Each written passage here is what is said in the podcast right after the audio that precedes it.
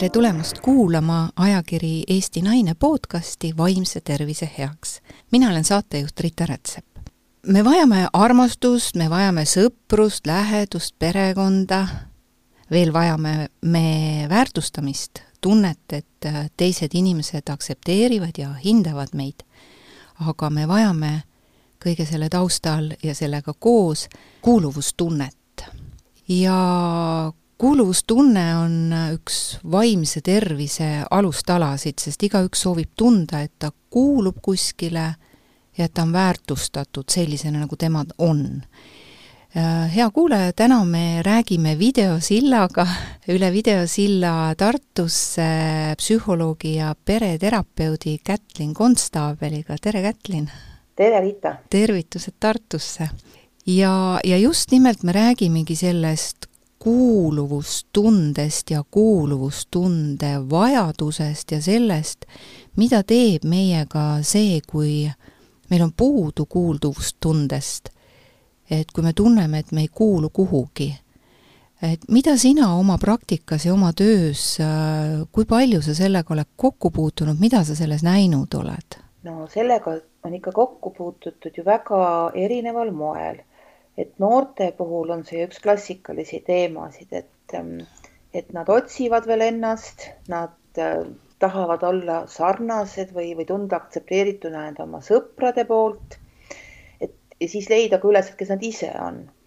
nüüd ähm, perede, paaridega töötades on üks päris, äh, päris keeruline lugu ju see, kui inimene tunneb, et tema paarisuhe ei ole nagu üldse see õige just selles mõttes, et et ta ei tunne ennast, nagu sa kirjeldasid, väärtustatuna, aktsepteerituna. aga see peaks olema nagu see kodusadam või see turvaline koht, kus ma saan olla just see, kes ma olen.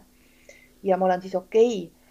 ja, ja siis tõesti eriti nukker on see, kui inimene ikkagi ütlebki, et ta pole lapsepõlvest peale tundnud sellist aktsepteeritust, sooja tunnet oma päritolu perega seoses, et et noh, alati ta pidi olema kas väga tubli või, või väga-väga viks ja vastama mingitele ootustele, et seda tingimusteta armastust polegi nagu olnud ja pole olnud võib-olla kedagi, kellega oleks saanud oma muredest rääkida.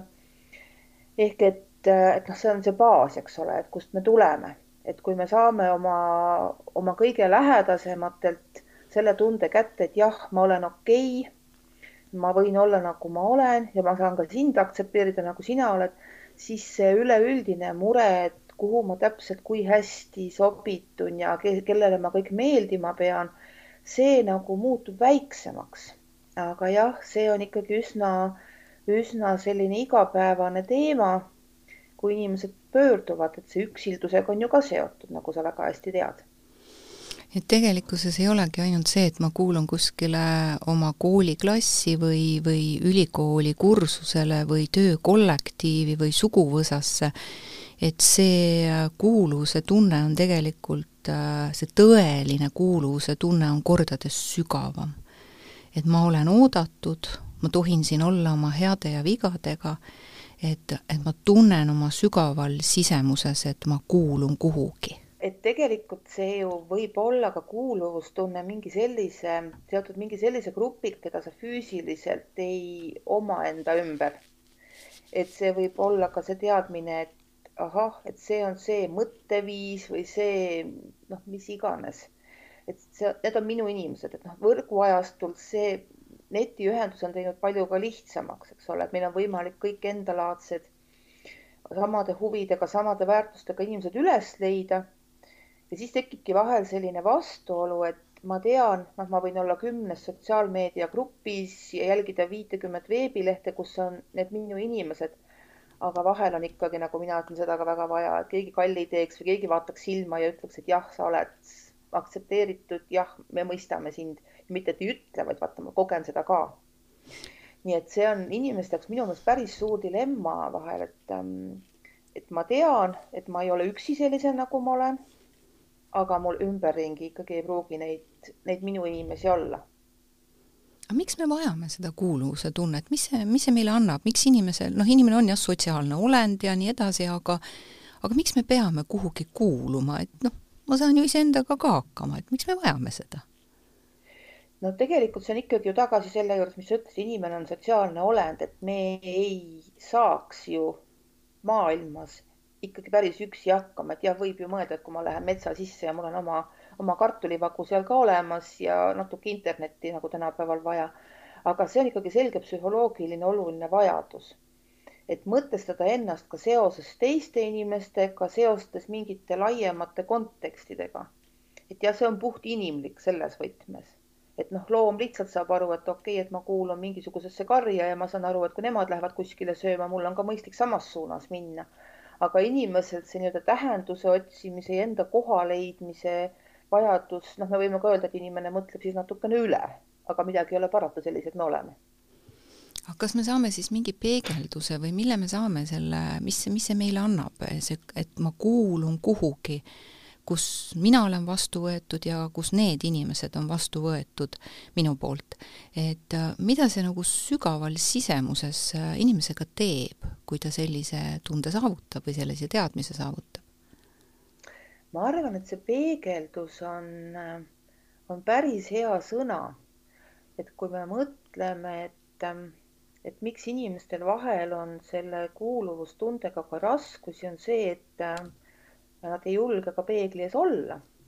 et kas ma julgen olla avatud äh,, haavatav sellisena, nagu ma olen, see ei tähenda, et ma olen teistega vastik, eks ole, aga, aga noh, see on ka ju küsimus, et kui palju ma siis julgen olla selline, et teised haiget ei saaks. aga see, et kas ma julgen peegli ette minna. noh, see on üks päris suur mõtlemiskoht, et äh, nüüd, mis tunde inimene saab, minu meelest see on ikka selline rahu, seesmine rahu, äh, kindlustunne endas, et maailmas on vähemalt keegi, kelle jaoks ma olen sellisena väärtustatud, nagu ma olen. isegi kui ta mind alati ei mõista, sest noh, keegi ei mõista teist nagu sada protsenti kõigil eluhetkedel, eks ole, aga just, et ma tean, et ma ei ole päris üksi. hästi-hästi baasiline tunne ja, ja vajadus tegelikult, et ma ei ole päris üksi, et noh, seda ju öeldakse ka, et paar, paar lähedasemat inimest ongi oluline, et meil oleks, et me ei peaks siis kõigile meeldima kas see on ka kuidagi Rahu. nagu normaliseerimine, et mul just tuleb, kui sa räägid, tuleb meelde üks selline armas teismeline, hilisteismeline tüdruk, kes on kogu aeg pidanud ennast imelikuks. ja, ja samamoodi, kui tema peab ennast imelikuks ja mitte kuhugi kuuluvaks, on ta ka seal klassis üksi ja ka teised peavad teda imelikuks. Ja, ja nüüd ta on leidnud endale seltskonna äh, alguses läbi virtuaalse keskkonna, nüüd ka mingite kogukonna kokkusaamistega, mingid asjad toimuvad seal, ja, ja ta järsku on saanud aru, et on ka teisi temasuguseid ja see on normaliseerinud tema seda olemist ja see on mõjutanud väga positiivses suunas tema vaimset tervist, ehk et ühest küljest see kuuluvuse äh, ja kuuluvustunde omamine meie sees kuidagi nagu normaliseerib meid, et, et on mingid inimesed, kellel on sarnased väärtushinnangud, sarnased mõttelaadid, võib-olla sarnased riietumisstiilid ja nii edasi, et, et ma kuidagi annan või saan läbi selle kuuluvustunde selle, et ma ei ole siin maailmas üksi ja ma ei ole mingi imelik ja teistsugune. et kas see normaliseerimine käib ka selle kuuluvustunde juurde? ma arvan, et sa kirjeldasid midagi väga-väga olulist, et et, et ma leian endasugused. aga siin on minu meelest ka üks väike ohukoht, et, et nagu tõesti neti abil on meil väga lihtne leida neid, kes on meie moodi. noh, me võime vaielda, et kui lihtne see siis on. aga tegelikult ju ikkagi öeldakse, et kui sa tunned, et noh, lähed kusagile uude seltskonda, uude kohta, uude töökohta, et siis peab kusagil olema ikka see kübeke julgust, et jah, ma tunnen ennast imeliku ja uuena aga ma ikkagi lähen teiste juurde ja proovin. ja, ja püüan leida ka seda ühisosa nendega, kellega noh, võib-olla seda kohe esimesel pilgul ei ole või on natuke hirmus ka, eks ole, me kõik teame, mis tunne on uude kohta, noh, uude seltskonda või uude töökohta minek. et see, et me leiame need omasugused, täpselt minusugused, see on turvaline ja mõnus aga see tekitab omaette küsimusi, nagu sa aru saad, et noh, siis me hakkamegi rääkima kõlakambritest ja sellest, et me kapseldume sinna oma väga turvalisse, küll mõnusasse mulli. nii et seda päris kuuluvustunnet järsku tasub ikkagi ka vahel ise aktiivne olles nagu äh, kuidas siis öelda, otsida, et kas ma leian need inimesed, kes võib-olla esimesel pilgul ei tundugi minu moodi inimestega, aga ma vähemalt lähen ja nuusutan korraks. Räägi natuke lahti see sõna kõlakamber, see jäi mul kõlama, et mida see tähendab? no seda ju kasutatakse, kui, kui räägitakse, et tänu internetile me kõik suhtleme hästi omasugustena, omasugustega. et me postitame või jagame infot, aga see jõuab ikkagi meie sõpradeni, meie tuttavateni või, või seda jälgivad ka, ka nende salapäraste siis sotsiaalmeedia algoritmide tõttu ikka need, kes noh, kellele see varem on ka huvi pakkunud või sarnased teemad või sarnased mõtteavaldused. ja siis ongi küsimus, et ähm, noh, me suhtleme ja jagame ja mõtleme siis koos väga endasugustega. et me ei jõua nagu üldse selle teise pooleni ja vot siis me hakkamegi rääkima, et kõik muudkui kapselduvad, kapselduvad omasuguste sekka ja tekib lõhestumine, sest noh, siis muutuvad ka vahel mingid vaated või arusaamad ka järjest kas äärmuslikumaks või vaata, kui mingit asja me ju kogu aeg kordame, kordame, kordame, siis me ju kinnistame ennast sinna külge. Nii et äh, see on mõnus võimalus, eks ju, omasugustega rääkida ja suhelda mis iganes keskkonnas, aga seal on oma, oma ohukoht selgelt. Ka palju suuremas perspektiivis kui noh, niisugune üksikisiku oma. Aga mida teeb inimesega siis tõesti see, kui tal on, kui ta tunneb, et ta ei kuulu kuhugi, mul ei ole kuhugi minna, kellegiga rääkida, kellegiga kokku saada, et ma et ta, temani on jõudnud selline tunne, selline kuuluvustunde puudumine, et, et ja tõesti see tekitab vaimse tervise probleeme, et et mis, kust see võib ühel hetkel tulla, sest et, et tegelikult kuhugi me ju ikka kuulume, kas või oma suguvõssa või, või kuhugi me ikka kuulume, kõik me käime kas koolis või tööl, et aga, aga ma tunnen, et ma ei kuulu sinna, et mis, mis see teeb inimesega lõpuks?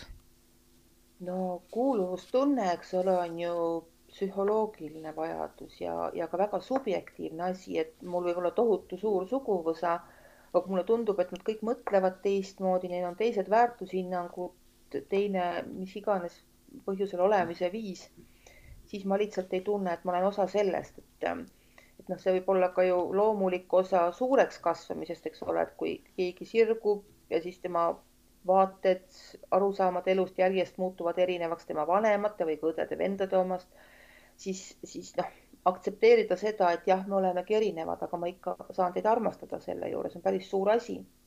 nüüd, mida see teeb, tegelikult ju see, kui keegi tunneb, et ähm, ta kas ei kuulu kuskile, kedagi ei ole äh, tema jaoks ja see kripeldab tal sees, see on tegelikult ju ka depressiooni üks tunnuseid et ma võin olla tohutult suures töökollektiivis, mul võib olla hästi just nagu soe ja mõnus pere, aga ikkagi ma tunnen ennast tohutult üksindana, üksildasena ja, ja mul on tunne, et mind ei mõisteta.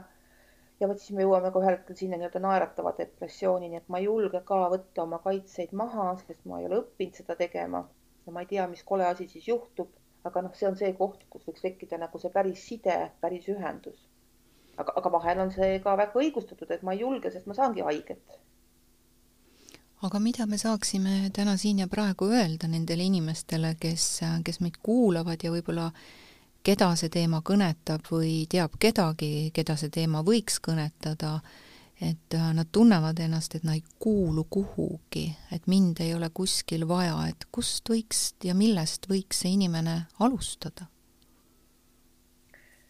ma mõtlen, et algus võiks olla selles, et julgeda vaadata sinna iseendasse, et, et mida ma tegelikult teistelt ootan ja, ja vajan.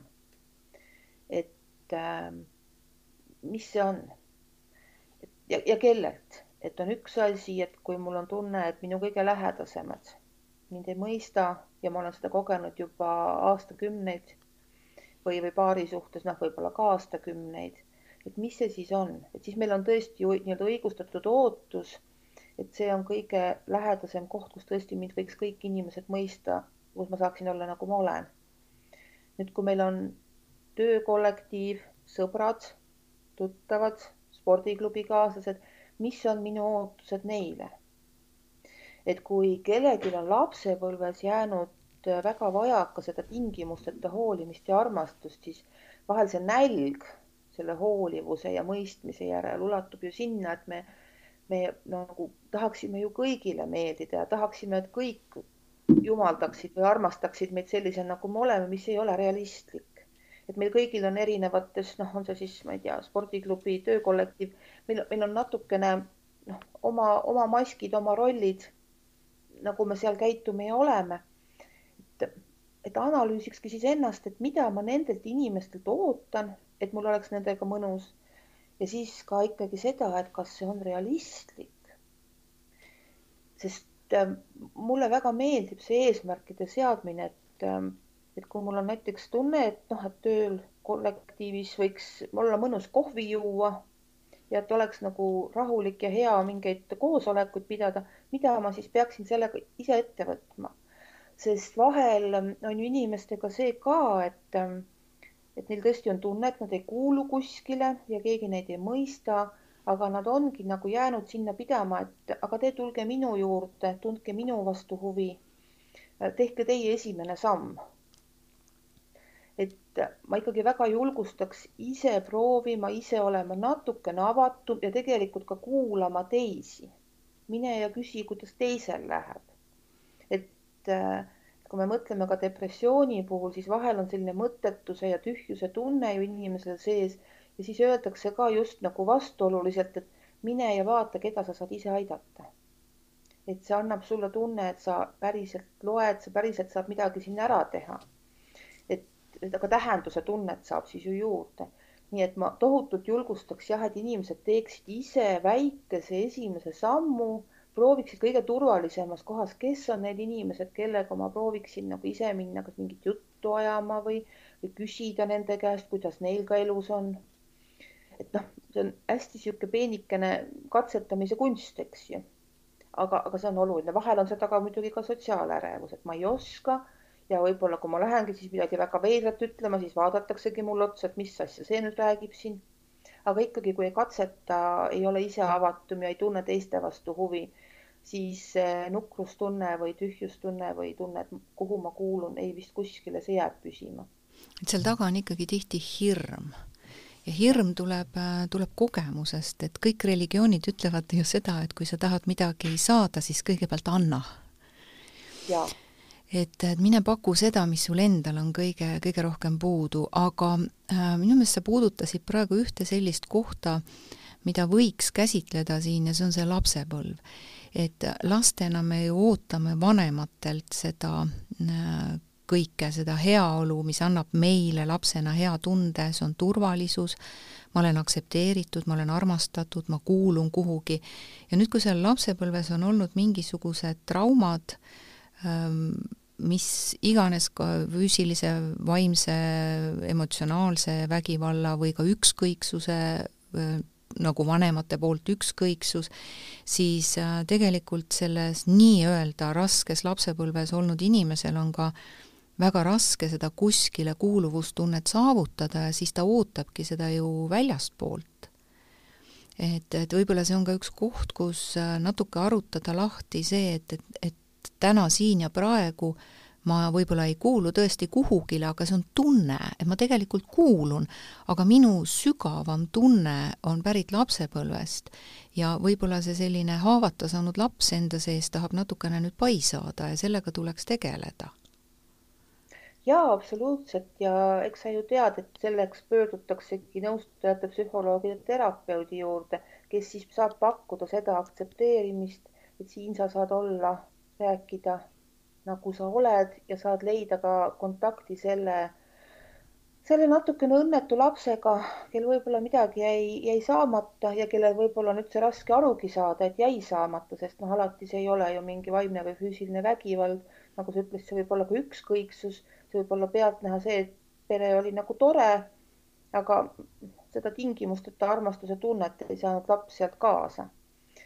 Eks see ongi siis see koht, kus tuleb ise kõigepealt tunnistada, et jah, mul on raske, kas siis ähm, teisi üldse usaldada, sest see on ju ka üks, mis võib olla tagajärjeks, kui me kodust ei saa seda seda sooja mõnusat tunnet kaasa, et me oleme okei okay et ma üldse ei loodagi enam, et teised mind aktsepteeriks või et ma üldse kuskile kuuluks, et peangi lihtsalt kuidagi ära elama. või noh, teine pool on siis see, kui ma otsin üsna meeleheitlikult igalt poolt, et äh, kellega sobituda, kellele meeldida. ja siis noh, ongi natuke ebarealistlikud need ootused. noh, ja siis aitabki see, kui tõesti pöörduda ja e-, ennast analüüsida ka nagu ka nagu spetsialisti juures ja saada sealt kätte see tunne, et jah, sa oled tegelikult okei okay ja see ka, et sa tunned ennast kehvasti või et sul ei ole seda kuuluvustunnet, see on ka väga loogiline. Noh, mõtleme, mis me nüüd siis teeme edasi sellega. et sellel kõikidel, kõikidel sellistel teemadel on ju äh, selline juurpõhjus, et kas me lähme siis spetsialisti juurde seda arutama või me tõesti istume maha ja mõtleme, et et kui ma meeleheitlikult tahan kuskile kuuluda, ja, ja, ja arvan, et see kuuluvustunne ja see kuhugi kuulumine parandab minu vaimset tervist või heaolu ja nii edasi, siis tegelikult see ei asenda seda tegelikku põhjust, mis on pärit siis kuskilt nii-öelda raskest lapsepõlvest. Ja ilmselgelt see lapsevanem ei tee ju kunagi meelega halba oma lapsele oma järeltulijale, see, see lihtsalt, tal ei ole teistsuguseid oskusi, et, et võib-olla siin, siin on see koht, kus äh, lasta need öö, mõtted võib-olla vabaks ja, ja ja võib-olla anda andeks ka oma, oma vanematele, et nemad ei osanud paremini. ja nüüd võtta see vastutus ja mõelda, mida tahan mina, et, et võtta see väike haavata saanud laps siis nüüd käe kõrvale ja minna siis täiskasvanu maailma vastu, et, et, et vaadata, mis on see, kuhu mina tahan kuuluda. ja võib-olla astuda sellest lapsepõlvest välja, seda on lihtne rääkida, aga põhimõtteliselt on see tehtav jaa, see on tehtav ja seda ju tehakse. aga ma ütlen muidugi seda, et alguses peab see väike laps ikkagi saama selgelt ka nutta või pahane olla oma vanemate peale. et nad ei osanud seda pakkuda, et tal on ikkagi õigus oma igatsusele ja oma pahameelele ja siis ta saab leppida sellega, et jah, nagu sa kirjeldasid, et, et nemad oma oludes, oma oskustega, oma seljakotiga, oma, oma looga tegid oma parima hästi, see on nüüd see, et see on minu otsus, kas ma jään sinna kinni ja olengi kogu elu edasi see väike õnnetu laps või ma võtan vastutuse, nagu sa ütlesid ja natuke olen see õnnetu laps ikka edasi. aga lähen ja ajan oma asju ja, ja tegelikult noh, mulle väga meeldib ähm, tunnetekeskse teraapia siis see põhimõte, et isegi kui meil ei ole lapsepõlves olnud seda turvalist kiindumust kõige kõige lähedasematega, nad ei ole osanud seda pakkuda. tegelikult meil on võimalik luua täiskasvanuna selline suhe ise, see käib natuke raskemalt, jah, aga see on meil võimalik, võimalik luua, et see ei ole mingi lootusetu asi absoluutselt ja nagu mul üks kolleeg ütleb äh,, tsiteerides teda, et et ei, lapsevanemad kasvatasid meid kaheksateist aastat hoole ja armastusega ja ülejäänud elu peame selle jamaga tegelema aga jah, võib ka nii mõelda. jah, võib ka nii mõelda, aga, aga tegelikkuses see on, see on, see võib olla nii ja, ja, ja siis noh, ütleme siis, kas me nimetame seda jamaks või nimetame seda enda eluks, aga, aga nii ta on ähm,. ma kuskilt kunagi lugesin, et ema Theresa on öelnud, et, et üksildus on meie ajastu pidalitõbi et kuidas sa, kuidas sa nagu suhtud või kirjeldad seda tänapäeva ühiskonda, kus äh, on seda sellist äh, üksindust ja üksildust ja kuuluvustunde puudumist, äh, kas seda on tõesti siis nii palju ja, ja millest see tuleb? no minu isiklik teooria on see, et see nutimaailm või digimaailm meile vahel loob selle võlts ettekujutuse, et kõik inimesed on ju mu käeulatuses et mul on võimalik saada nii palju infot, mul on võimalik saada kontakti kõigi inimestega, ma ju näen kogu, kogu mis iganes sotsiaalmeediakanal on paksult inimesi täis. ja vot siis, kui ma mõtlen päriselt ka, et kui palju neid on ja võib-olla ma pean üldse hakkama valima, et kes need on siis minu moodi inimesed ja kuidas nendeni ulatuda või miks nad ometi minuni ei ulatu, kui neid on miljoneid, miljardeid, miks, miks keegi mind üles ei leia et see võib nagu veel suurendada seda, seda segadust ja, ja igatsust. et ma olen olemas, palun märgake mind. ja samas see tekitab ka hirmu, et aga kuidas ma nende inimesteni nüüd võib-olla mõned on lausa mujalt maalt, tundub täitsa minu moodi, aga, aga mis riigis ta elabki, milline ta on siis? see tekitab ka seda hirmu sest kui me mõtleme, kuidas, kuidas vanasti elati, inimesed mingis mõttes leppisid ju lihtsama asjaga, et mul on minu külarahvas, mul on minu suguvõsa.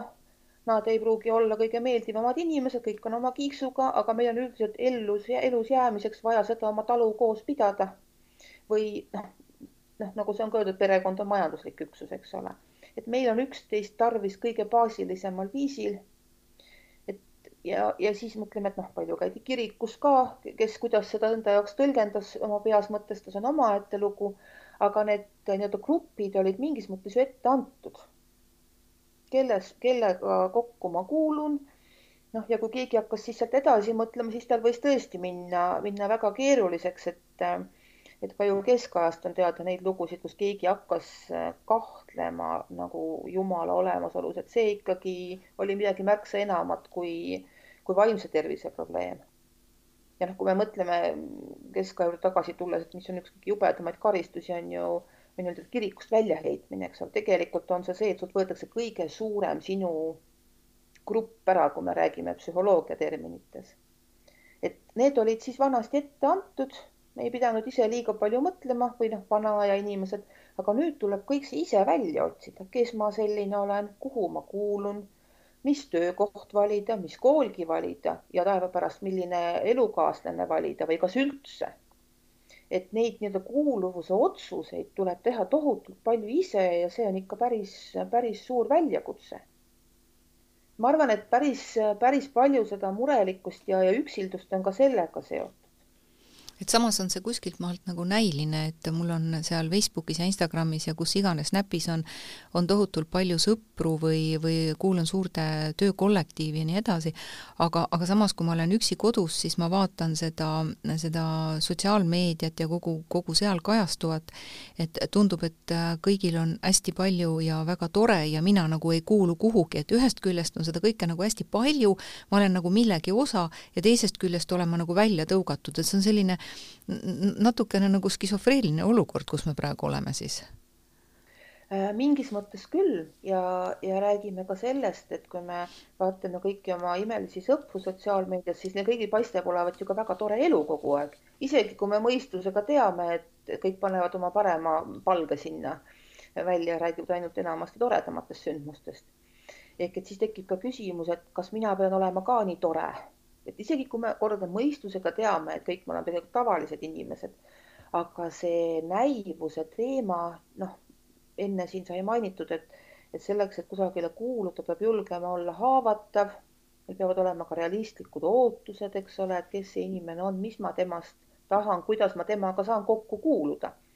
sest see spordiklubi näide, et võib olla väga mõnus mingi äh, ma ei tea, laupäevase võrkpallitrenni grupi kuuluvustunne, ega me ei pea seda hingesaladusi jagama, et meil on äge mingit asja koos teha ja see ongi meie seltskond ja mul on sellele seltskonnale mõnus koos mõelda. kui mul on adekvaatsed ootused, eks ole, ma, ma tean, mis asja ma nendega ajan. aga jah, see, see võrgus, noh, me ju teame, et kui ma võrgus oma neid tuhandeid sõpru ja jälgijaid ja kõiki vaatan, selle arvuti või telefoni taga istun ma ikka üksi ja see tekitabki jah, nagu sa ütlesid, niisuguse veidra skisofreenilise tunde, et, et kes ma siis olen ja kuidas ma pean olema ja kellele näima. ja, ja ikka on vahel väga üksi jah, mõnikord see Facebooki sõber tuleb sulle tänaval vastu ja ei tunne sind äragi, eks ju. oo oh jaa, seda juhtub tihti. jaa, et, et õnnesaladus võiks olla siis selline, nagu öeldakse, ootuste lati allaviimine, et, et natuke realistlikult nendele asjadele otsa vaadata ja võib-olla võib-olla alustada väikeste sammudega tõesti kas siis ähm, mõne hobiga, mõne ringiga, mõne spordiklubiga, et ei peagi tõesti äh, nii väga sügavalt hingelisel tasandil nende inimestega äh, Äh, siis kontakti looma või samastuma või meil on lihtsalt midagi ühist, mida me teeme, et käime koos laulukooris või või käime koos äh, kudumas või käime koos korvpalli mängimas, et kas see tegelikult ju tekitab teatud kuuluvustunde, et mul on kuhugi minna ja kellegiga koos ühte asja teha. Äh, absoluutselt, et väga-väga hea ja väga praktiline siis soovituse moodi asi, aga ma paratamatult pean ikkagi ütlema seda ka, et kui inimesel kusagil sees kriperdab, et tal ei ole ühtegi, mitte ühtegi inimest, kellega ta saaks olla päriselt noh, hea sõber, partner, siis ta ikka jääb igatsema seda muud ja vaatama järgi selle, selle päris sügava inimliku kontakti järgi ka seal, kus võib-olla noh, see nii-öelda ei käi selle skeemi juurde või nende rollide juurde. Nii et noh, e-, eks siin on minu, minu perede ja paaridega töötamise kiiks nüüd ka, et ma ütlen, et see kõige lähedasem ring peab ka ikka olema nagu läbi mõtestatud, et kas mul on seal keegi või siis sätingi eesmärgiks ikka selle, et ma püüan leida endale kedagi, kes on päriselt minu inimene. kas või aga... häid sõpru jah, just, et aga, aga kui me võtame selle, et, et tõesti alustame sellest näiteks, et, et inimene tunneb, et ma ei kuulu kuhugi, mind ei ole kellelegi vaja, ja, ja sellised noh, üsnagi depressiivsed mõtted, et siis võib-olla alustada tõesti nii, nagu sa ka ütlesid, sellest, sellest esimesest sammust ise, et, et, et minna kas või, kas või kuskile, et, et lähed kas või trenni või leiad mingisuguse väikse hobi ja iial ei või teada, äkki sellest iga neljapäeva õhtusest või laupäeva hommikusest käimisest võib-olla seal tekib keegi inimene, kellega pärast koos koju jalutada või, või lõpuks ka koos kohvikusse minna või ka ühed sügavamad vestlused maha pidada, et, et sealt võib tekkida mõni inimene, kes on see minu inimene ja siis ma lähen juba hoopis teise tundega sinna, sinna iga, iga neljapäeva õhtu või laupäeva hommiku. et, et ikkagi sellest väikesest sammust saab alguse asi.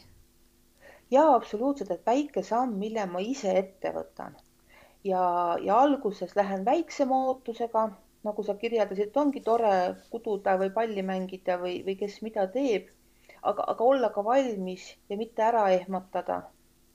aga noh, nüüd on siin küsimus, et et osa inimesi peavad enne käima siis äh, paraku vaimse tervise spetsialisti juures natuke endaga tööd tegemas, et nad ikkagi üldse julgeksid minna.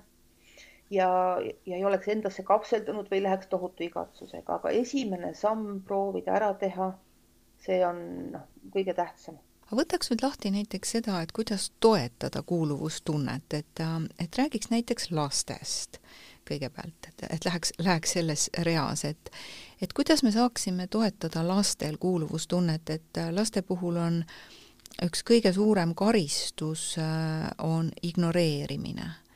Et isegi mõnikord mõni laps, noh, ma töötan ju väga palju lastega ja, ja mõni laps on öelnud, et tal on lihtsam, kui teda kiusatakse, kui teda ignoreeritakse.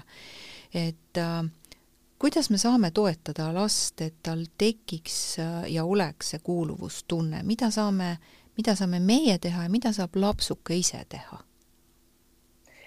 no ikkagi vanematena saame pakkuda sedasama tingimusteta armastust, see on A ja O. ja see ei tähenda seda, et me peame võsukese iga teo heaks kiitma, et see oleks absurd, niimoodi me temast nagu eluvõimelist täiskasvanut ju kuidagi ei kasvata, vaid see on ikkagi see klassika, et mõista mingi tegu hukka, ütle, et niimoodi ei tohi, niimoodi siin ei tehta. aga anna samal ajal see signaal, et ma armastan sind, ma hoolin sinust täiega, aga see tegu ei ole okei okay. Et sellega vahel ju vanemad panevad ikka päris, päris puusse ja põõsasse, et nad kaotavad iseenesevalitsuse ja siis selle asemel, et kritiseerida lapse mingit tegu, noh, koperdas, pusserdas, väike laps teeb igasugu jamasid, suurem laps teeb ka Nad tühistavad lapse isiksuse täiega ära, sa oled selline ja selline, mis sinust ikka tahta, kas nagu noh, kogu see kupatus, mis tuleb siis, kui, kui mõni lapsevanem endast välja läheb. et pakkuda seda, et suuname, kritiseerime, pakume paremaid tege tegevusvariante, aga kogu aeg see signaal taustal, et sa oled okei okay, inimesena, ma armastan sind lapsena, sa teed vahel vigu, me kõik teeme vigu. et seda pakkuda, et see laps saaks kodust kõige lähematelt kaasa selle tunde, see on, see on see minu koht. sest kui me mõtleme juba natuke suuremate laste peale, aga tegelikult ka, ka lasteaialaste peale, et see on ju vanemate asi ju ka õpetada ja seletada, et aga näed, et et sa ei saa eeldada, et sul sõbrakene seal liivakastis sinu suur fänn on, kui sa tema mänguasjad kõik ära võtad. et ei, ei, ei saa niimoodi, eks ju. Et ta ei taha sinuga siis tükk aega või üldse enam mängida. Ja noh, suuremate lastega juba sama, et, et mis ootused sul siis teisele on, et sa pead ise olema ka kena, ütlema välja ka, mis sulle sobib ja mis ei sobi. ja siis, kui te saate seal ausalt suhelda, noh, siis tekib ka see tunne, et jaa, need on minu sõbrad, nendega on tore. ja nii edasi, ehk et see on see vanemate roll on seda ka, nagu sa enne kirjeldasid väga hästi, mitte nüüd tingimata latti madaldada, aga kohandada, et mõtle, kes need inimesed on seal klassis või sõpruskonnas või, või laulukooris või kus iganes. Sa tahad sõbraks saada, kui sa tahad meeldida hmm,, kas iga hinna eest tasub suunata seda last ise analüüsima, et mis, mis ta siis tegelikult ümbritsevatest inimestest, ümbritsevast maailmast tahab. et niimoodi me saame selle lapse kõrval olla nüüd, mis on selle lapse enda vastutus, siis mina küll ütlen, et väiksel lapsel mina siin mingit vastutust endal ei näe. et siin ikkagi on vanemate roll, roll ju nii suur. Kui me räägime teismelistest, siis me saame hakata juba mõtlema, et noh, et mis valikuid siis see laps teeb või noor inimene. aga ma ikkagi jonnin, et, et seal on vanematel juba nüüd suurema lapsega teistmoodi vajadus kõrval olla. jah, ka nendeks hetkedes, kui kui see noor inimene on teinud mõne valevõitu otsuse ja noh, mis siis on, tuleb vastutada selle eest, aga vanematena ikka oleme kõrval. Ja, ja aitame ka seda vastutust kanda, mis, mis siis teha? Jah, me räägime ju täna, et, et elu on läinud palju paremaks, aga, aga tõdeme seda, et just nimelt kui praegu fookuses on lapsed, et siis tõesti laste vaimse tervis on läinud järjest halvemaks ja ja väga palju just seda tegelikkuses ju seostatakse just nimelt sellesama sotsiaalmeedia võidukäiguga, eks ju, et, et täpselt nii, nii võib seda nimetada. et marsib väga võidukalt see sotsiaalmeedia ja, ja seal ei ole võimalik luua siis tõesti selliseid päris sügavaid reaalseid sõprussidemeid ja, ja, ja, ja just tekitada seda reaalset kuuluvustunnet, et selleks on vaja tajuda seda teist inimest, tema pilku, tema, tema energiat, tema kehakeelt, kõike selliseid asju, et võib-olla siin äh, koputaks äh, lapsevanematele tõesti, ses suhtes lapsega vastutab lapsevanem äh,, Äh, just nimelt sama see, see noh, ekraanide piirangute teema ja kõik muu, mida kogu aeg räägitakse ja mida ma järjest rohkem ikkagi jälle näen, et ei tehta, et just nimelt neid reaalsete sõprussuhete loomist, suunata last reaalselt kellegiga mängima, äh, temale külla minema, teda külla kutsuma, teda, teda liivakasti mängima või, või kus iganes trennigruppidesse, et Äh, kuuluvustunnet toetada lapsel me saaksime sellega, et me õpetame looma ja hoidma sõprussuhteid. absoluutselt ja, ja siin on paraku see dilemma, et, ähm, et noh, tegelikult praegu ju on leitud ikkagi, et emotsionaalselt väga hea kontakt tekib netisuhtlusel väga kiiresti. et osalt ka see, et me projitseerime teisele võib-olla omadusi, mida me väga igatseme näha aga see tegelikult tekib ja noh, see ei ole mingi, mingi harukordne nähtus, et kui me mõtleme ajaloole tagasi, et siis on ka olnud maailma ajaloos kirjavahetusi, kus inimesed pole kunagi kohtunud, aga on jaganud väga suuri noh, südamesaladusi, vaata, et iga päev kirjutanud, et see on võimalik aga kui see, see vahe on nagu liiga suur, et tõesti noh, netisuhtlus on tõesti oma eripärad. et mul päriselt ikkagi ei ole mitte kedagi kõrval siis tõepoolest see, mis sa kirjeldad, et, et luua seda tasakaalu, aga minule õudselt meeldivad nagu need äh, vanemad ja need lapsed ka, kes ongi netikeskkonnas ähm, võib-olla saanud kellegagi mingit mängu mängides tuttavaks ja on tõesti tekkinud sellised sügavamad vestlused noortel.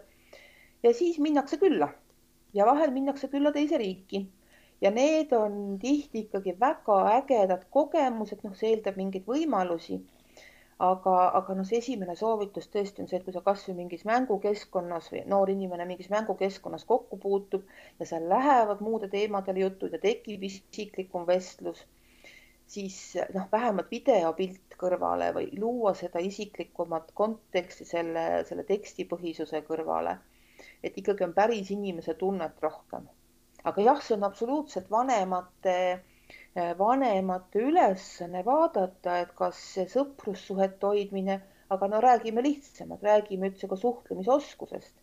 sest no mina olen küll kokku puutunud noortega, kes ähm, istuvad tõesti samal pargipingil, nad ei julge üksteisele ütelda, et ma meeldin sulle või, või tähendab, sa meeldid mulle, nii haavatav, et kui ma välja öelda.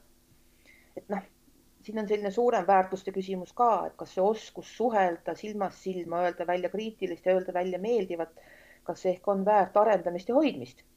Jaa, et, et noh, laste teemaga on, on seda, oleme seda nüüd siin käsitlenud ja see on väga palju vastutus on täiskasvanu käes selles suunamises ja nii edasi, et tõesti reaalseid sõprussuhteid äh, õpetada ja soodustada looma ja neid ka siis hoidma ja, ja eks see algab ka sellest, et me ise lapsega reaalselt ka räägime. et ka sealt tuleb juba see suhtlusoskus, et kui on ainult see, et kuidas läks hästi, siis sealt ei tule seda suhtlusoskust, aga kui me võtame nüüd täiskasvanud, võtame selle täiskasvanud inimese, kes on siis tulnud oma lapsepõlvest, et kuidas temal toetada seda kuuluvustunnet, temal endal seda arendada ja võib-olla siis ka äh, sõbrana kõrvalt või tuttavana kõrvalt või töökaaslasena kõrvalt, et kuidas toetada seda, et, et see inimene tunneks, et ta kuulub kuhugi, et ta on seal oodatud ja aktsepteeritud? no kõrvalt, kui tegemist on tõesti töökaaslasest kuni, kuni hea sõbrani, kõik, kõige lihtsam on anda ju aeg-ajalt märku, et, ähm, et see, mis sa tegid, on tore. see, nagu sa oled parasjagu, on tore. Anda seda positiivset tagasisidet ähm, adekvaatsel moel loomulikult, et aga, aga noh, see klassikaline asi, et, et kiitus on eriti tore siis, kui ta käib konkreetse mingi asja kohta, märkame, et märkame, noh, me võime alati märgata nii ka, et me paneme kellelegi kusagil sotsiaalmeedias like'i, aga hea test igale ühele. kas te mäletate, palju te kellelegi eile neid nii-öelda like'e panite ja mille eest? Tuletage meelde ja vaadake, kas, kas on imelik pärast, kas te üldse mäletate. et see päris ehe, hea sõna on see, kus me saame anda märku, et sa oled okei okay.. sa oled okei okay praegu, kasvõi minu jaoks sel hetkel.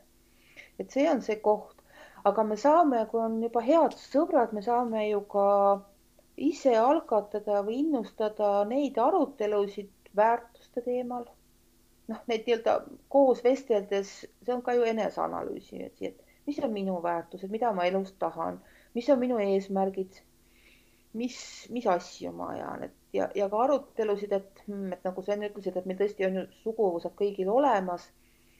et aga järsku ma ikkagi teen selle sammu ja lähen otsin võib-olla mõne vanaema või vanatädi ülesse, kellega pole tükk aega suhelnud. ja lähen ka küsin oma loo järele, et et noh, peredega töötades on üks suur väljakutse tihti see, et võib-olla suur karm mees, kes ei karda keda kuraditki, aga ta ei julge minna rääkima oma vanatädiga oma, oma perekonnaloost, sest ta ei tea, mis sealt võib välja tulla. et tekitada see nii-öelda ka ajas selline sügavustunne, et jah, see on minu, minu rahvas olnud. ma ei, ma ei ole ka igas mõttes nende fänn, ma ei, seal on palju arusaamatut aga ma tean, kust ma tulen. ja, ja tegelikult sõprade keskis neid arutelusid ju tihti, noh, kui on päris mõnusad sõbrad, siis ikkagi on. ja, ja seda saab ka innustada et ise, isegi kui ki, kirudes ja, ja, ja kritiseerides ja, ikkagi ma kuulun sinna õudsesse gruppi. see on see, et ma ei saa, ma ei saa seda peret valida, aga, aga see ongi see küsimus, et kas ma nüüd siis kordan nende mis iganes käitumisviise noh, viis põlvkonda enne jõid kõik üksteist põhja või iseennast, ma siis lähen sama teed uhkesti. või ma mõtlen, et okei okay,, see oli nende viis toimetada, mina järsku proovin midagi teisiti teha, aga näed, sellest hoolimata oli nende juures ka palju toredat. et, et selliseid asju saab nagu ju enda ümber inimestega ise niimoodi vaikselt, mis see moodne sõna on, nügida või, et selliseid natuke sügavamaid vestlusi ja, siis tekib ka see tunne, et me oleme üksteisega avatud, natuke haavatavad, oli mõnus rääkida. ja, siis see kuuluvustunne ka vaikselt hakkab tekkima. Ja see ei pruugi olla selline, et nüüd elu lõpuni mul on selle seltskonnaga või selle inimesega nagu väga tihe side, väga sügav side, vaid vahel need üksikud hetked, pooltunnid, kaks tunnid on ka väga suur väärtus jah, siit, siit tuleb nagu huvitav see välja, niisugune mõttekäik, mis praegu nagu pähe kerkis mulle, et et toetada näiteks täiskasvanud inimesel seda kuuluvustunnet, on, on see kohalolek et suheldes olla kohal, tajuda iseenda ja teise inimese sellist meeleseisundit või märgata seda ja tajuda seda ja võib-olla ka äh, abi küsida ja abi pakkuda. Et, et see märkamine ja kohalolek võib-olla on, on see, et äh, kus ma, kus ma tunnen ise ja saan astuda sammud ise, et tekitada endas see kuuluvustunne või minna kellegi inimese juurde ja läbi selle suhtlemise tekib meil kuuluvustunne, kokkukuuluvustunne. et me saame need no. sammud ise astuda. ja, ja see, mis sa ütlesid, kohalolek on tähtis, et absoluutselt, et ja vahel see ongi see, et ma teen teisele tassiteed. Et kui ma ei oska, ei tea täpselt, kuidas temaga hakata mingit juttu ajama, ma küsin, kas sa soovid tassiteed või teen sulle võileiva. ja, ja juba see on tähtis, võib-olla ma märkan ära, et talle ei meeldi sedasorti tee, ta joob seda teist ja meega.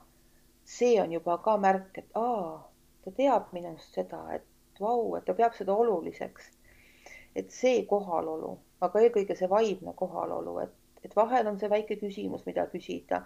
Vahel on see lihtsalt see, et oleme siin koos natuke võib-olla oma mõttes ja siis hakkab see jutukene kuskilt hargnema.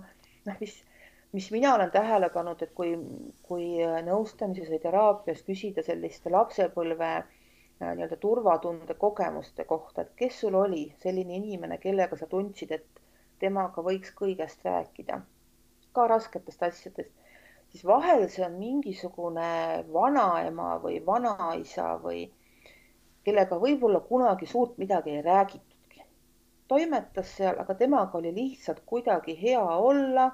mõnega tehti koos, ma ei tea, aiatööd või puutööd, teisega, teisega noh, toimetati midagi kusagil suvel. aga temaga seoses on see tunne olemas inimesest lapsepõlvest ja see tundub neile vahel väga veider, sest noh, eriti ei räägitudki midagi aga see tunne tuli kaasa. ja mõnikord on hea selle tunde peale mõelda, isegi kui seda inimest võib-olla enam ei ole ja seda võimalust temaga seda uuesti rääkida või kogeda ei ole, aga see mõte juba iseenesest tekitab sellise heaolutunde, äh, keha hakkab endorfiine tootma ja, ja ma juba tegelikult tajun seda, et ma kuulusin kunagi kuhugi. ja, ja see kuuluvustunne ei ole kuhugi kadunud. jaa, absoluutselt, et need mälestused on ju alles et see oli see minu inimene. Ja ise ka ma täpselt ei saa aru, miks. Ja, ja siis sellega saab minna ka igasugustele uutele noh, kuuluvust otsimisele, ütleme siis niimoodi, või sõpruste otsimistele vastu.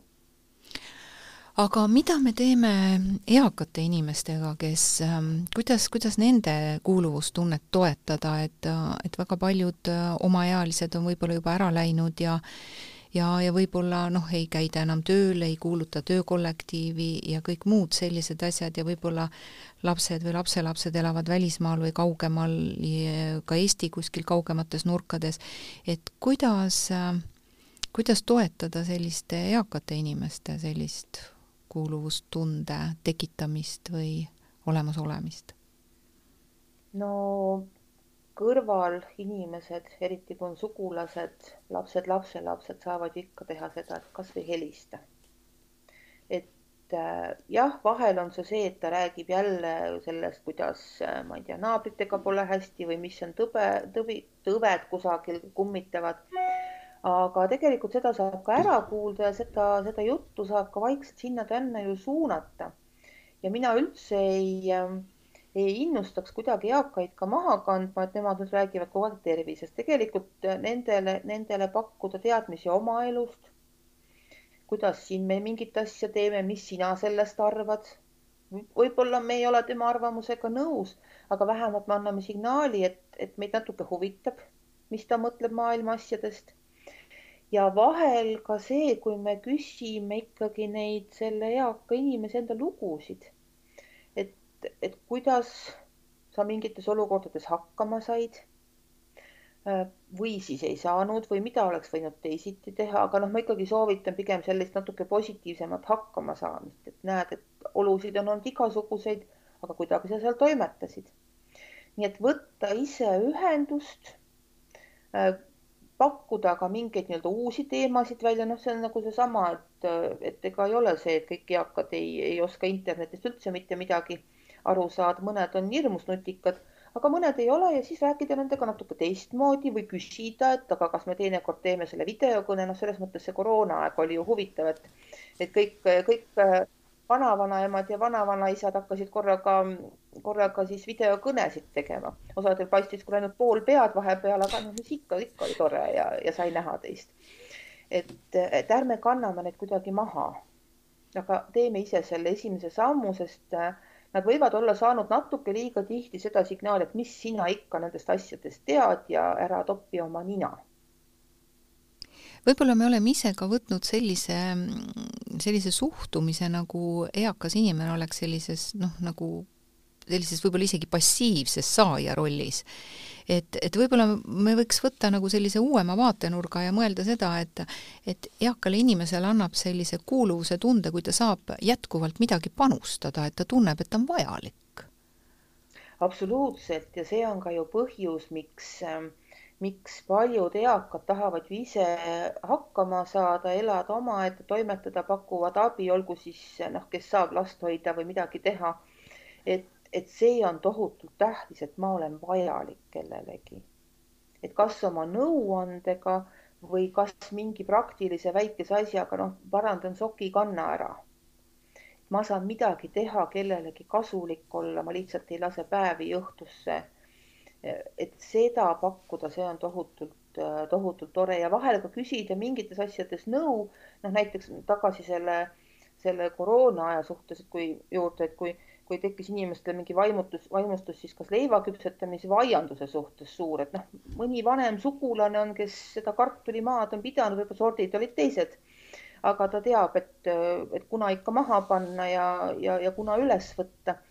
et, et neid asju saab ju arutada. et ma ütlen, et see ühisosade leidmine vahel nõuab natukene nuputamist, aga saab arutada ikka me saame ise midagi ära teha, kui ma nagu näiteks täiskasvanud inimesena või, või ka lapsena tunnen ennast mitte kuhugi kuuluvana, siis mine selle vanaema või vanaisa juurde ja te kuulute ühte et äh, mõlemalt poolt vaadates selline hästi-hästi positiivne tulemus lõpuks. et mitte jääda ja, üksi. ja, ja seal ikkagi ka aktsepteerida seda, et võib-olla teie maailmavaade ja arusaam ongi väga erinev mingites asjades et kas ma suudan leppida sellega, et noh, neid asju võib-olla ma ei saagi temaga kunagi rääkida, et siis mul lähevad juhtmed kokku ja tahaks karjuma hakata. aga võib-olla me saamegi arutada, mis on perekonna retseptid. näiteks näiteks. ja noh, et kui sa räägid nagu, mida saavad lapsed teha, siis, ähm, siis minul on selline naljakas näide oma lapse, kas ma mõtlen, kui vana ta siis oli, viis või kuus. temale meeldisid väga koerad ja tema heale sõbrale meeldisid ka väga koerad ja meil endal oli ka siis koer, aga noh, et maailmas on ju palju toredaid koeri. Ja siis me innustasime teda, et ähm, koos sõbraga, kui te olete koos väljas ja kui te näete mõnda inimest, kes tuleb oma kutsut jalutama, et kuidas täpselt, mis sõnadega minna huvi tundma et, et noh, lõpuks jõuda selleni, et saab koerale pai teha, vahel ei saanud ka, noh, arusaadav, aga et kuidas minna küsima, tuleb ikka öelda tere.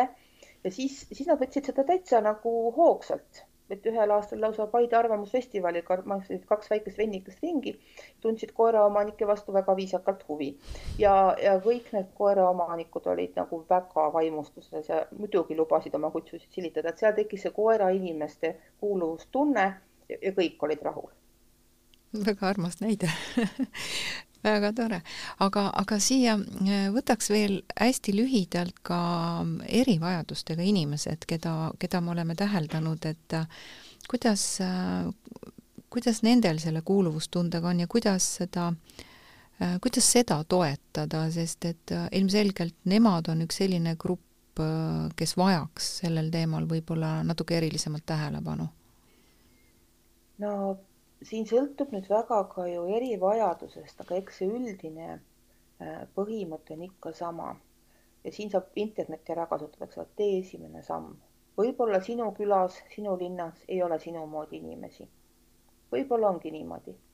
aga võib-olla sa leiad netis selle kommuuni, selle grupi ja ja päris paljud Eesti erivajadustega inimeste ühendused või seltskonnad, nad tegelikult teevad ju ka kohtumisi ja pelgalt see teadmine, et võib-olla kord aastas me saame kuskil kokku, on ka väga suur asi või et me siis, ma tean, ma tean, et seal on mõni inimene täitsa minu moodi, ma saan talle kasvõi helistada.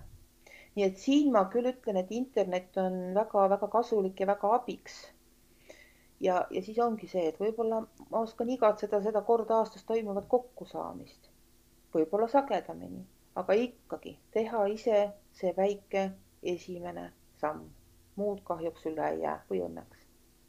Või küsida kellegilt abi, kes, kes, kes aitaks, aitaks mind suunata kuhugi, ükskõik see, kui praegu siin võtta see erivajadusega, siis kokkupuutepunktid on ju kõikvõimalike sotsiaaltasanditel ikka ju mingid kokkupuutepunktid on, no on ju. et kas või küsida abi, kui sa ise ei tea, et, et äkki nemad oskavad soovitada mõnda kogukonda või, või mingisugust äh, kas siis äh, aktiivsemat või vähem aktiivsemat äh, sellist gruppi, kuhu, kuhu võiks kuuluda ja võib-olla me ise ei teagi seda? Jaa, loomulikult, et ka abi küsida ja mitte ainult äh, siis noh, näiteks tuttava sotsiaal- või meditsiinitöötaja käest, aga see noh, see nõuab ka julgust, aga võib-olla ka sugulase või, või noh, mitte erivajadusega tuttava käest, et kuule, ma tean, et neljapäeviti on seal kohas selline kokkusaamine, kas sa saad järsku mind sinna ära visata või, või midagi taolist, et ikkagi näidata ise huvi üles. ja, ja siis võib-olla hakkavad asjad liikuma. Aitäh sulle, Kätlin, seda kõike, kõike jagamast ja neid äh, mõtteid, äh, mõtteid arutamast, et et hea kuulaja, sulle ka suur tänu, et sa, et sa meid kuulasid ja, ja kaasa mõtlesid, et võib-olla nendest meie omavahelistest põrgatamistest siin äh, said indu või, või uusi mõtteid äh, kas siis iseenda jaoks või kellegi jaoks, keda sa tead või tunned või kes on sinu tuttav või võib-olla lihtsalt elab sinuga samas trepikojas või kõrvalmajas, et et natukenegi tunda huvi teise inimese vastu ja, ja astuda need väiksed sammud, et sealt võib saada alguse tema selline kuuluvus tunde, selline pisikukene, algekene ja võib-olla ka sinu enda oma, et alati äh, ei ole vaja ronida kohe kuskile kõrgele mäetippu, et, et piisab võib-olla seda mäetipuga kaugelt imetlemast, et ehk väikeste sammudega jõuame ka lõpuks sinna ülesse. et, et me tõesti oleme sotsiaalsed olendid ja me vajame enda kõrval teisi inimesi ja, ja me kõik tõesti tahame armastada ja olla armastatud ja loomulikult me tahame tunda kuulumistunnet, olla olla kuuldud, nähtud ja nii edasi.